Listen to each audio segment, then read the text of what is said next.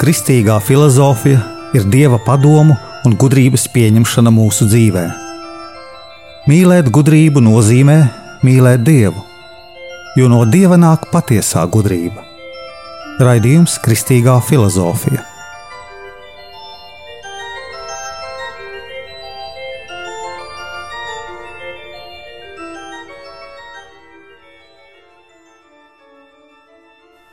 Es esmu Jānis Valtra-Vitsenheims. Un ar jums bija 41. lekcija par cilvēka prāta pazīšanas spējām.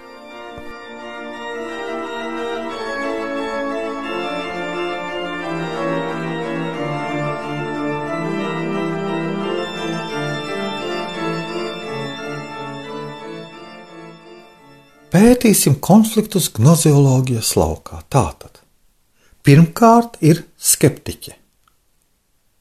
Skeptiķi, kas domā, ka mēs nekā nepazīstam, mēs neesam droši par mūsu patiesības pazīšanu, un ne tikai neesam, bet nespējam būt droši. Skeptiķi grib pierādīt, ka mēs pazīstam, un to nevar stingri pierādīt. Tāpēc viņiem taisnība šī punktā. Tāpēc mēs nespējam pazīt, ka pazīstam. Tad skatāmies uz dogmātiķiem, kas saka pretī skeptiķiem. Mēs pazīstam droši, mēs ar visu drošību pazīstam patiesību, un tas ir tik ikdienišķa lieta, tik vienkārša, ka nav jāmeklē izskaidrojumi kāpēc mēs pazīstam droši patiesību. Skeptiķis saka, nepazīstam, dogmātiķis saka, pazīstam, abi pārspīlē. Viens skeptiķis pārspīlē, ka tas ir stingri, ar silogismu pierāda, ka pazīstam. Otrs dogmātiķis pārspīlē, ka mēs pazīstam droši patiesību, bet tas nav nemaz jāanalizē. Šis ir gnozioloģijas konflikts, kas mūs pamudina, veicina domāt, kur tad ir taisnība no filozofiskā redzes viedokļa. Otrs konflikts ir tāds, kā konflikts starp racionālistu un empiristu. Racionālists saka, Vienīgā pazīšanas spēja ir prāts, nav cita pazīšanas avota. Jutekļi nav nekas cits kā prāts savā zemākā stāvoklī. Viss ir prāts, nav otra pazīšanas avota. Empīrists, ko radīja Junks sākotnēji, saka, vienīgais pazīšanas avots ir jutekļi, un prāts ir bezvērtīgs. Prāts nav nekas cits kā jutekļi augstākā nozīmē, augstākajā attīstībā, un tas ir vienīgais pazīšanas avots jutekļi. Prāts un jutekļi ir pretstati. Tas ir liels gnozioloģiskais konflikts. Šis konflikts mums mudina domāt, kur ir taisnība. Kants pazīstot šo sadursmi, šo konfliktu, gribēja pārvarēt šo konfliktu un pierādīt, izskaidrot, ka mūsu pazīšanai ir divi avoti - prāta un jutekļu avots. Bet viņš, esot šī labirintā, gnozioloģiskajā labirintā, nevarēja aiziet līdz galam. Pastiprināja racionālismu un savā sistēmā domāšanas radīja dažādas citas domāšanas pazīmju sēklas, no kurām izauga gandrīz visas mūsu laiku filozofiskās tendences un virzieni. Ir vēl viena sadursme starp realismu un ideālismu. Reālists saka, ka cilvēka pazīšana ir saskaņa ar īstenību. Pazīt patiesību nozīmē pazīt to, kas ir.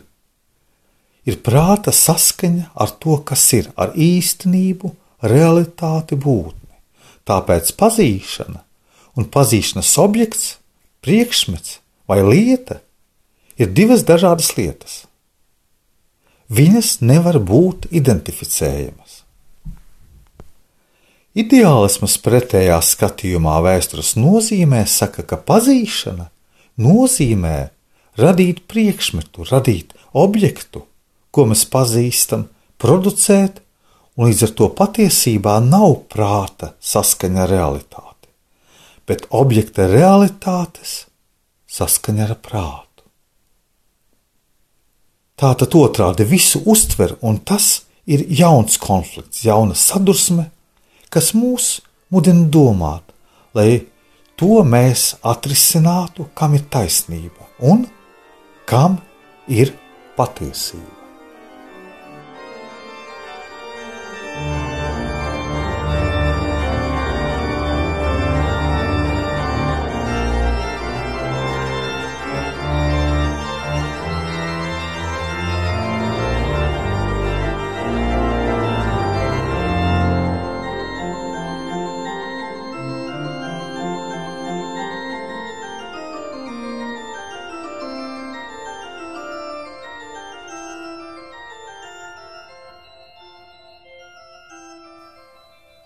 Dzīvē, ejot pie Dieva, mēs bieži maldāmies šajos ceļos. Bieži maldāmies un kļūdāmies. Un ejam it kā uz to pusi, kur vēlējamies, bet vēlāk konstatējam, ka neesam darījuši tā, kā paši gribējām. Cilvēks maldās un krīt kļūdās. Kad mēs maldāmies, kļūdāmies, mēs nonākam nepatīkamā stāvoklī.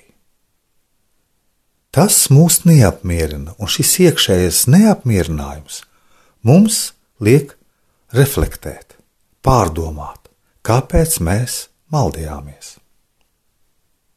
Dažreiz praktiskā dzīvē ar lielām konsekvencēm, kāpēc es maldījos un kas man ir jādara, lai turpmāk nemaldītu mums daudz jādomā.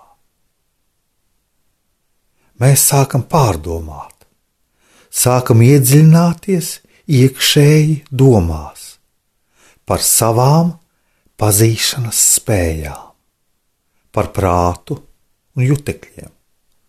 Un šis ir trešais faktors, kas mums uzmodina kritisko apziņu. Vēl ir citi faktori, un viens no tiem ir ļoti svarīgs. Tas ir konflikti, sadursmes, uzskatu konflikti. Ir dažādi uzskati, ne tikai ģimenē. Ģimenē arī viens domā tā, otrs tā, trešais tā. Cilvēki sāk pārunāt to un sāk arī strīdēties arī partijas. Viena partija domā to, otra domā citu kaut ko, un sākas cīņas. Arī ap, apvidos kaut kādos, kur mēs dzīvojam, viens apvidus domā to, kā tajā apvidū ir izraisījusies situācija, otrā apvidū domā savādāk. Teiksim tā, ka kurzemnieki domā savādāk nekā tie, kas dzīvo Latvijā. Tā izraisās ne tikai anekdotas, bet izraisās strīdi. Viena tauta domā savādāk nekā otra tauta. Latvieši domā savādāk nekā krievi. Nu, mēs arī varētu teikt politikā. Amerikas prezidents domā savādāk nekā Krievijas prezidents. Tā sākas cīņas, strīdi, dialogi, sarunas, pārunas, kas reizēm ir tik spraigas, ka noved līdz pat karam. Arī filozofijas laukā ir konflikti, jeb sadursmes filozofijas laukā, ne tikai uzskatos par realitāti. Hēglis ar savu dialektiku domāja, viss ir garīgs. Tad varētu teikt, ka Marks nozaga no viņa šo dialektiku un gara vietā ielika matēriju. Te ir realitātes sadursme, metafizikas uztveres sadursme, konflikts. Bet mūsu filozofija interesē konflikts gnozioloģijas laukā un kādi ir šie konflikti.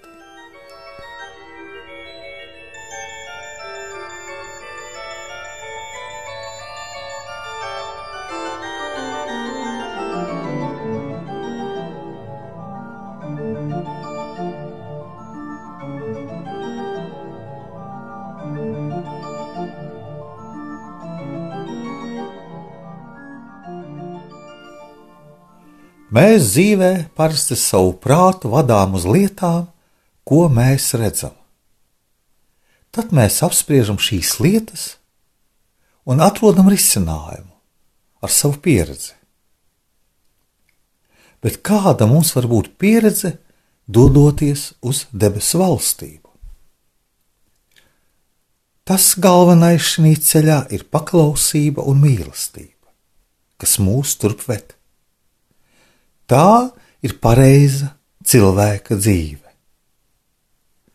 Zināšanu vajag ļoti maz mums, lai mēs sasniegtu debesu valstību, paklausību un mīlestību. Bet tā ir mūsu dzīves galvenā problēma, ko mēs tik viegli nevaram izdarīt. Jo arī Pāvils saka, ka mēs darām to, ko neieredzam, nevis to, kā vēlamies. Mēs visi vēlamies būt laimīgi un sasniegt debesu valstību. Cilvēkā ir jābūt domu tīrībai. Tātad sirds jātīra no visām kārībām, kas ir uz zemes, lai mēs varētu mīlēt Dievu. Protams, mums ar Dievu ir jāsavienojas, lai mēs turētos pie šī ceļa. Un to dara mūsu lūkšana, kurā mums jāvelta uzmanība katram mūsu vārdam. Lai tā nav lūkšanas skaitīšana, cik reizes mēs to izdarām, bet mēs parasti atrodam iemeslu un negribam lūgties. Lūkšana ir mūsu savienošanās ar Dievu, mūsu ceļš uz mūsu skaidro prātu un skaidro sirdi.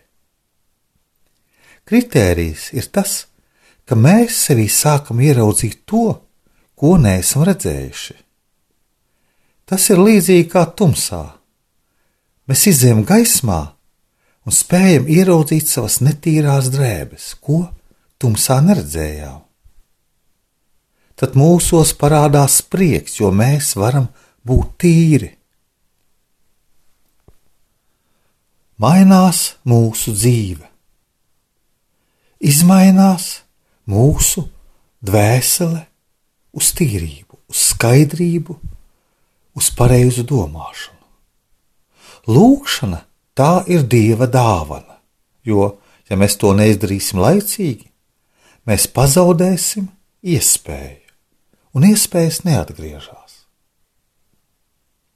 Lai mums būtu skaidrs prāts, skaidrs sirds, mēs pareizi varētu redzēt lietas, ļoti svarīgi mums savienoties ar Dievu.